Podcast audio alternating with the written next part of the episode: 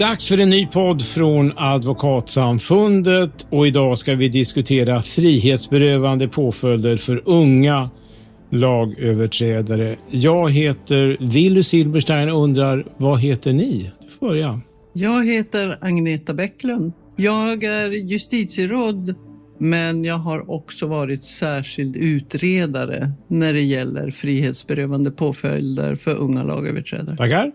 Och jag heter Karla Pansar och är advokat och både försvarsadvokat och målsägande beträde. Och jag heter Johan Eriksson och är också advokat. Mm.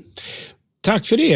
Eh, möjligheten att då kriminalvården ska hantera unga lagöverträdare från 15 år, det är en del av det du har behandlat i din utredning. Eh, Agneta, kan du bara i några meningar berätta vad, vad, vad är problemet, vad har du kommit fram till? Det är svårt i några meningar, men du kan. Mm, det är ju det här valet mellan kriminalvården och Statens institutionsstyrelse som är en vårdorganisation är ju inte helt enkelt att göra och det finns inte bara ett svar.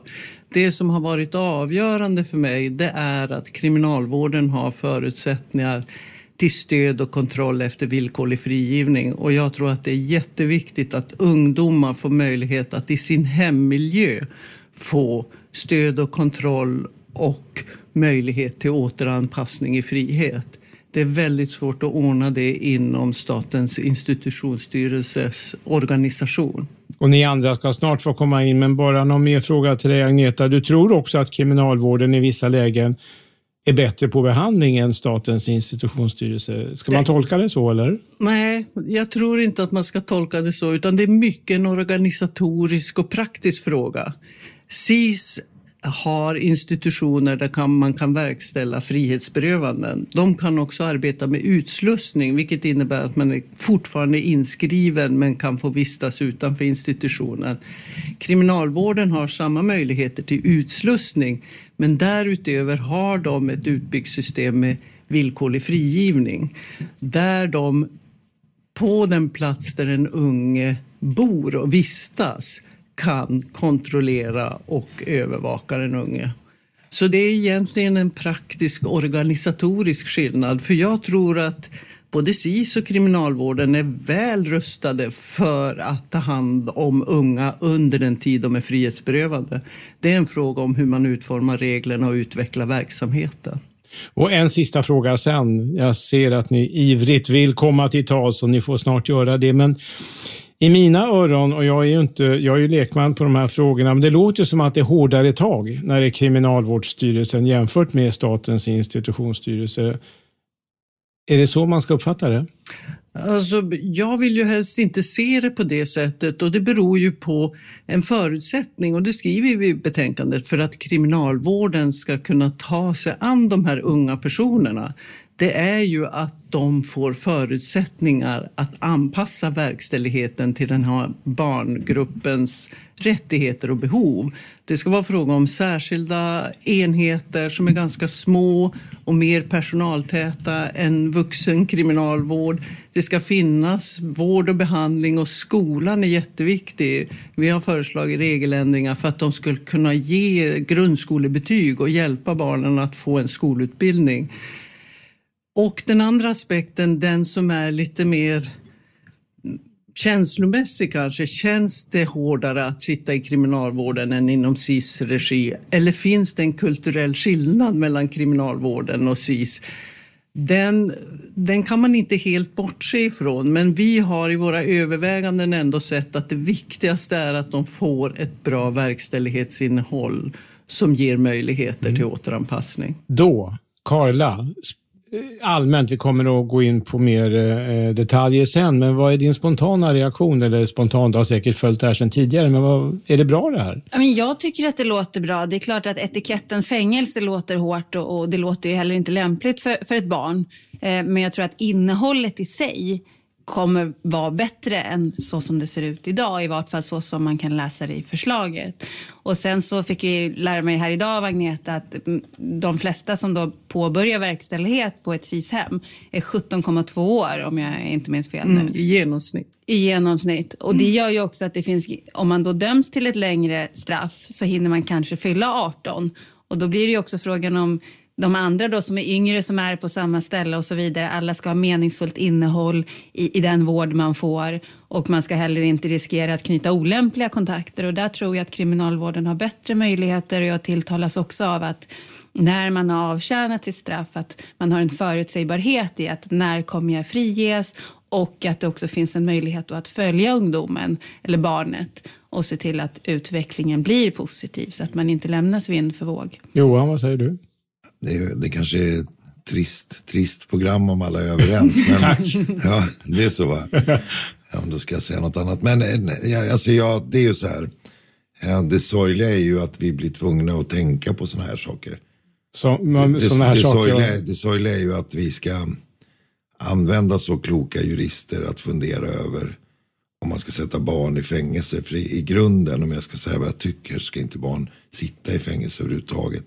Det är ju, det är ju ett samhällsmisslyckande och eh, eh, vi har en politik som inte tilltalar mig alls. Och det har, ju, det har ju ingenting med vilka uppdrag och vilka uppgifter vi finns. Och vi har fått en, en samhällsutveckling som naturligtvis är besvärlig. För, för är man 15 år och döms för mord, ett eller två eller flera mord, eh, och man ska, och det har vi ju många nu eh, som, som då ska dömas och vi har också bestämt att de ska få längre och strängare straff så måste vi ju hantera det på något sätt.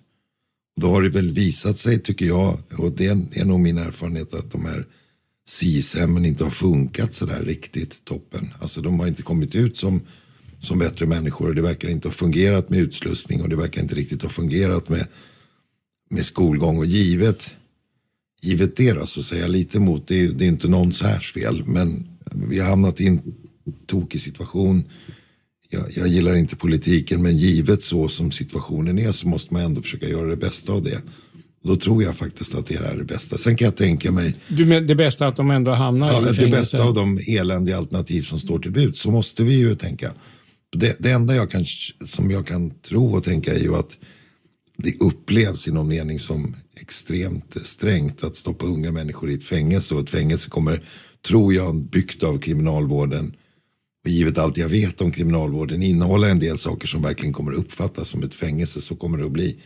Och kanske är det så det måste vara då, då om vi har eh, unga människor som kommer också att ha svåra, tror jag, psykiska trauman att hantera. Man kan ju få psykiska trauman inte bara av saker man har blivit utsatt för, utan också av saker man har gjort. Så att jag tänker att det viktiga är väl nu att man ser till att man fyller de här fängelserna med hjälp och behandling och få igång skolgång och få, få liksom utslussning, alltså att man, att man verkligen ägnar en enorm energi åt det, det tror jag är det absolut viktigaste att tänka. Agneta, hur bra rustad menar du att kriminalvården är idag att ta hand om så här unga personer som lär komma dit? De har ju erfarenhet av ungdomar. Det förekommer ju att personer i den här åldersgruppen döms till fängelse. Det är ju normalt de som har begått brott när de är uppåt 17 års ålder. De har ju också personer i anstalt som är 18, 19, 20 21 och det finns ju ingen fast gräns. Jag tror att de är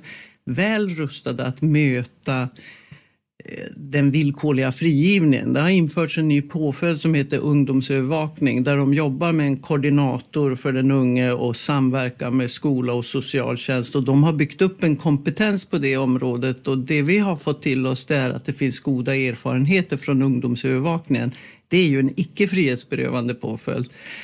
Det som kan väcka lite oro från mina utgångspunkter det är ju att eh, vi har ju föreslagit att det här ska träda i kraft 28 för att man ska ha verkligen tid på sig att bygga upp kunskap och bygga upp avdelningar, anställa personal som kan möta barnens behov. Nu ser vi ju en utveckling som gör att man kan bli lite orolig. Alla straffskärpningar som vi har talat om tidigare här, de leder ju till att kriminalvården har en mycket stor utmaning för närvarande. De måste bygga ut fler vuxenplatser och det kommer att bli svårt för dem och då kan man ju vara orolig. Kommer de att klara att möta den här höga ambitionsnivån? För om de inte gör det, då, då är det ju risk att det inte blir så bra. Mm. Och det är ju den oro, det kanske jag kan känna redan nu när man ser att att straffmassan har ökat med 19 000 månader på två år. Då känner man att det är inte lätt för en myndighet att möta en sån förändring och bygga ut sin verksamhet. Johan? Ja, då ska jag berätta något, något ur en praktiker, alltså eh, vad en praktiker kan veta. Jag har länge biträtt livstidsdömda i de här när man ska få tidsbestämt straff. Och de är ofta ganska bra för att mäta liksom hur, hur det ligger till på kåken om man ska uttrycka sig så. Därför att de har suttit så länge och de vill absolut sköta sig. Därför att annars kan de inte få sitt straff tidsbestämt. Så att de, de lever i en miljö där man verkligen vill försöka, de flesta av dem försöker undvika. Och en av dem berättade för mig att när han dömdes så stoppade man in en mycket ung pojke i fängelse på Kumla. Och då protesterade, alltså de, de protesterade, alltså försökte sätta sig själva i isoleringsceller allihopa. Därför de ville inte ha barn på anstalten. De tyckte mm. liksom att vi kan inte ta den rollen, vi kan inte, vi kan inte, vi kan inte ta ett ansvar för de här unga människorna. Han beskriver nu hur alla de här fängelsemånaderna som har delats ut har förändrats anstaltslivet i sån bemärkelse från honom och då kan jag säga att han har suttit över 20 år att han inte känner igen sig. Mm. Och det beror ju på att, att det liksom, de regler som har gällt är liksom ålder, styrka, eh, vilket brott du är dömd för, ganska givna enkla regler inom anstalten som mm. fungerar, inte fungerar nu. Vilket gör att man nog kan känna en oro för att kriminalvården har många svåra problem att möta. Att liksom klara av bara att sköta ordningen inom anstalten och så ovanpå det så ska man också försöka sköta då att människor som sitter där får någon form av behandling och flera av eh, tolvstegsbehandlingar till exempel mot, mot narkotika och, och eh, eh, droger har man slutat med. Det gör man inte längre i anstalt. Man inte hinner eller? Ja, inte har möjlighet eller inte mm. klarar av eller mm. inte tycker det är bra. Ja. Eller, vi kan ju inte håna kriminalvården. De har, de har ju de anstalter de har, den personal de har. Och så är de fullständigt dubbelbelagda och har svårt att hålla ordning på vem som sitter där. Så är det ju, ja. de möter ju naturligtvis ohyggliga problem. Karla, eh, du ser ju också kriminalvården mer än vad vi utanför juridiken gör. Mm. Är, är, din bild ungefär samma som Johans? Ja, det är den. Och sen så finns det ju andra praktiska svårigheter med, med de utmaningar som kriminalvården har nu. Jag förstod att man bygger om två av tre besöksrum till rum för intagna för att man ska kunna få plats med alla, vilket gör att det är svårt att hålla kontakt med anhöriga och så vidare som ska komma på besök. Det är till och med svårt att ha kontakt med, med sin försvarare om man har något pågående. Så att det finns många utmaningar och sen tänker jag mig också att det är klart att kriminalvården behöver ha en god tid på sig att kunna införa det här. Men vi vet ju inte idag hur kommer lagarna se ut då med tanke på hur snabbt man driver igenom förändringar nu och straffskärpningar. Så, så att det är en tuff tid framöver. Men Agneta, hade ni inte kunnat lägga ett förslag att Statens institutionsstyrelse skulle få resurser och bli duktigare istället?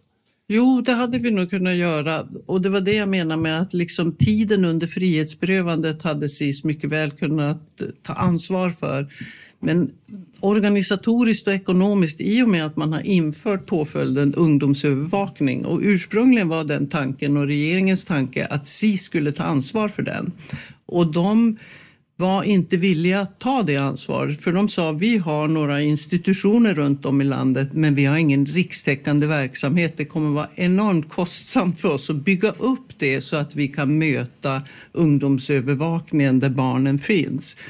Medan kriminalvården har ju en frivård. Man pratar ju ofta om anstalterna men de har ju en frivård som fungerar i hela landet. Vilket innebär att de har en organisatorisk struktur för att möta de här behoven. Och då la man ju ungdomsövervakningen på kriminalvården och det innebär att det det framstår inte som rimligt. Det var väl inte vårt mandat att föreslå att man skulle flytta ungdomsövervakningen till SIS och det framstår inte som rimligt att bygga upp en parallell sån organisation som i praktiken avser samma ungdomar och samma åtgärder. Så, så därför var det svårt att så att säga hitta Mätta möjligheter för SIS att möta barnets behov i frihet eller genom utslussning och villkorlig frigivning. Det var det som var svårast. Mm, nu blir det ju en satsning med också i ett förslag eh, att kriminalvården ska få mer resurser, eller hur? Ja, det bygger ju på det och mm. vi har ju skrivit ett förslag till en särskild fängelselag för ungdomar där det är särskilda regler som ska tillämpas och det ska ju primärt vara de som är mellan 15 och 17 år men kriminalvården kan också bestämma att äldre får stanna kvar. Det är ju inte rimligt att flytta en till vuxenavdelning eller annan avdelning bara för att de fyller år och blir 18. Och dessutom kan det finnas behov att kanske ta en 18-19-årig flicka och placera på en ungdomsavdelning. Men de ska ju sitta på särskilda avdelningar skilda från vuxna. Och den ambitionsnivå som vi har beskrivit den är ju kostsam. SIS har ju med större personaltäthet än vad kriminalvården normalt har i vuxenkriminalvården. Johan, är det risk att de här unga lagöverträdarna känner sig mer eh, ja, kriminella om de hamnar på fängelse? Att det blir någon slags eh, stämpling som påverkar dem själva? Finns den risken? Alltså det, om, i, i, om, man, om man vill göra en kriminell karriär, om man har det som någon slags ambition, då var det ju så förr att det kunde man liksom inte riktigt vara om man inte hade suttit på kåken. Om, om du skulle fråga mm, de som idag sitter på fängelse som är 30 år eller 40 år. Så alla de nästan varit på något SISM. Om, om vi förhåller oss till de som är liksom yrkeskriminella. Det finns inte någon som inte har varit LVU-omhändertagen och sen så dömts till någon SIS-vård. Alltså de har ju tagit sig igenom hela det här systemet. Så jag tror för, för deras del så tror jag inte det är liksom nog inte riktigt på det sättet. Jag tror att det som har blivit, som är besvärligt att så unga människor debuterar i mord. Vi har, vi liksom, ja. Folk debuterar inte med den typen av brott för Man dömdes för liksom snodde en cykel och snattade och rökte hash. Nu, nu smäller man till med mål som, som är det allra allvarligaste brottet blir det första man åtalas för kanske. Det är, det är en mycket annorlunda situation. Karla, du ser också mycket av kriminalvården jämfört med oss utanför den här sfären. Skulle du säga att kriminalvården generellt är bra på att rehabilitera kriminella, unga och äldre då? Får vi säga. Jag, skulle säga att det beror på den, den unge eller, eller den äldres egen vilja faktiskt.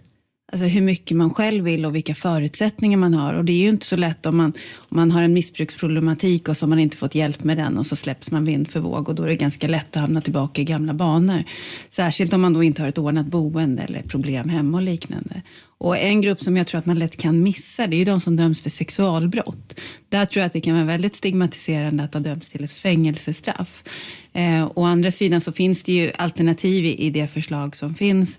Men, men den gruppen tror Varför jag... Varför skulle det vara mer stigmatiserande för de som döms för sexualbrott? Jag tänker att de som vi pratade om innan, som kanske debuterar med ett mord, att de befinner sig i en mer kriminell kontext. Medan den som döms för en våldtäkt som är säg 17 år gammal kanske har träffat en flicka som var 14 eh, och har inget kriminellt levande på det sättet. Och att då få någon slags slarvigt uttryck stämpel på att man har suttit i fängelse, det tror jag kan innebära väldigt mycket problem. Vad säger du om det Agneta? Ja, det, det, var ju som jag sa tidigare, att det är liksom en aspekt som kan läggas i den ena vågskålen. Jag har ju ingen kunskap om hur ungdomar upplever saker och ting. Och vi har ju försökt titta på forskningen och, och den visar ju att frihetsberövande ingripanden ger inga återfallsförebyggande effekter. Alltså du, det, risken för att en person ska återfalla i brott minskar inte för att de får ett frihetsberövande straff risken för att man ska återfalla i brott när man får ett frihetsberövande straff, den minskar om man får vård och behandling under verkställigheten. Men jag tycker det är, svår, det är svårt för mig att svara på hur en sexualbrottsdömd upplever det. Sen vet jag ju, och det ska ju vara tydligt, att många sexualbrottsdömda blir utsatta. Men det tror jag att de kan bli både inom sluten ungdomsvård och kriminalvård för att de de betraktas eh, på ett ganska aggressivt sätt av andra dömda personer. Johan? Ja, så här är det ju, eh, bland kriminella så finns det ju underregelverk och bland de underregelverken finns att en, en, vad ska vi säga, en våldsverkare vill överhuvudtaget inte sitta på samma avdelning som någon som är dömd för sexualbrott. Eh, och då måste man se till, det, det går, det är ett olösligt problem och det har man ju löst för äldre kriminella om vi får uttrycka oss så. Då, att man har speciella anstalter. Eh, och, och, och, så kommer det nog, tänker jag mig, att bli att man måste fundera även när det gäller de här unga eh, kriminella. Att man kommer att behöva ha anstalter för sådana som, som inte har följt kriminella regler. Som kanske har golat och som man säger, alltså pratat om andra. Man kommer att behöva placera sexualförbrytare eh, på vissa anstalter. Man kan ju absolut inte placera dem på anstalter där det finns någon från något konkurrerande gäng. Mm. Så det innebär ju att, att det här nya systemet måste man ju bygga upp då till 28 till exakt så som det fullt utvecklade kriminella eh, fängelsesystemet ser ut för äldre. Mm. Vi måste kunna göra bedömningar att du tillhör det gänget och du tillhör det gänget. Den får åka till Sundsvall, en får åka dit. Du är sexförbrytare, du får sitta på den anstalten. Det här är ju något som kriminalvården får man ju ändå säga verkar rätt bra på. Mm. Därför att vi har ju inte så många dödsfall på anstalter till exempel som man har i andra länder. Och det beror ju på att kriminalvården har en, en rekordel i underrättelseverksamhet mm. för att se till att, att man inte placerar folk på anstalter så att man kan hålla, hålla kriget borta därifrån. Men, men förr var det kanske lite lättare när vi hade fem gäng. Mm. Nu har vi nu har vi gäng som är liksom svåra för de som är med om att veta vilka som är fiender eller inte. Jag tror att det här kommer bli svårt. Mm. Och, och Carla, jag tänkte på du sa, du pekar på att det är ett sånt tryck på kriminalvården, besöksrum blir det istället, att de intagna ska finnas där och så vidare. Tror du, nu blir det ju spekulativt, men tror du att kriminalvården med den enorma press som redan är mäktar med att också klara denna förändring som är rätt stor? Jag, jag tror att det är en utmaning för vem som än har uppdraget. Eh, och eh, jag tror att de i vart fall kommer göra så bra de bara kan. Och de har ju möjligheter att rekrytera och där kanske det är lättare att rekrytera ut i landet än vad det är att rekrytera alltså personal i Stockholm och så vidare. Men det är klart att det kommer ju behöva tillföras ännu mer resurser och kompetens och det är därför de behöver den tiden som, som finns i förslaget på sig också att att hinna införa allt det här. Och det är därför det blir väldigt ovisst också. Hur kommer politiken och lagarna se ut framöver? Och sen skulle jag också vilja lyfta frågan i att det finns ju också vissa flickor som döms mm. eh, och de har ju i dagsläget väldigt svårt att, att, att, man ska hitta rätt placering och där mm. kan man väl kanske också hoppas att det kommer finnas bättre möjligheter även om det är svårt. Så att alla fångas upp och så att alla ges en chans att det inte ska vara att man får sämre möjligheter för att man är tjej jämfört med att man är kille för att där är systemet mer eller mindre redan på plats eller det är lättare att placera. Agneta, jag förmodar att du har haft kontakt med kriminalvården under utredningen och diskuterat med dem signalerar de att det är tufft men vi klarar det, eller vad säger de? Alltså, både Kriminalvården och Statens institutionsstyrelse var ju representerade i utredningen så det är klart deras synpunkter var ju jätteviktiga. Och jag vill koppla till det där som Johan sa om underrättelseverksamhet och placeringsbeslut. Det är ju Kriminalvården bra på. SIS har nog haft en, en delvis bristande kunskap om de ungdomar som kommer in för problemen är samma där. Att man kan inte sitta på ett SIS-hem med en, med en konkurrerande kille från ett konkurrerande konkurrerande gäng eller om man har skvallrat på någon. Samma liksom mekanismer gäller ju för den gruppen och det har nog delvis varit ett problem för dem. Men samtidigt så det som jag säger annars, det är nog ett problem som hade kunnat gå att lösa. Man kunde bygga upp den kunskapen inom SIS organisation och bygga ut underrättelseverksamheten. De får ju normalt information från socialtjänsten. Kriminalvården är ju en, en stor organisation och de har ju sagt att de tycker att de har möjlighet att möta de här behovet. De har ju börjat planera för det och de har ju särskilt pekat på behovet av resurser och behovet att man tillsätter någon kommitté eller kommission som arbetar med genomförandet av förslaget och att de får tillräckligt med tid för att liksom få de här särskilda avdelningarna på plats och anställa personal och utveckla sin verksamhet. Men de har inte sagt annat än att de kan det under de förutsättningarna. Och eh, är det bestämt att det ska verkligen bli verklighet och i så fall när? Eller ska det malas i den politiska kvarnen först? Nej, det verkar vara malet. Vi, vi föreslog ju att det skulle träda i kraft 1 januari 2028, men i media så har ju riksdagspartierna tillsammans med stödpartiet gått ut och sagt att det här ska börja gälla i 2026. Och det tror jag är en utmaning för kriminalvården för så snabbt kan man inte få det här på plats på ett sätt som håller kvaliteten. Men det är det besked som man har lämnat nu och det finns ju en hög ambitionsnivå när det gäller förändringar på det här området. Johan, är ditt intryck av kriminalvården att till 26 så fixar de denna ganska stora förändring? Det kommer inte att gå. Alltså jag säger inte det för att vara taskig mot kriminalvården eller Nej. så, men eh, jag, jag, ser ju varje dag konsekvenserna av, av politiken eh, som innebär att häkten är överfyllda. I häktena nu så sitter människor i arrestceller veckovis vid dubbelbemanning. Eh, kriminalvården eh, förefaller gå på knäna redan nu. Om man då ska sätta till och lyckas med det här till 26, det, det är enkelt uttryckt omöjligt. Men det kanske låter politiskt bra, vad vet jag. Men det, det, det borde vara bättre att, att se till att det fick förutsättningar att fungera. Än att man har sett någonting i verket som inte kommer att fungera. För då skulle ju politiken kunna svara, men läget är så akut. 15. Det säger de om allt. Ja. Det, är, det, finns ju inget som inte är så akut. Det När det kommer till juridiken nu så är det ju problemet att det, om man frågar mig, att det, ingenting handlar om liksom konsekvenser utan det handlar om att fatta snabba beslut. För att signalera? För att sända signalvärde, men det är ingen mening att sända ett signalvärde om, om vi riskerar att göra någonting som gör att vi får sämre förutsättningar att få ut de här ungdomarna från fängelse i ett bättre skick än vad de var när de kom in.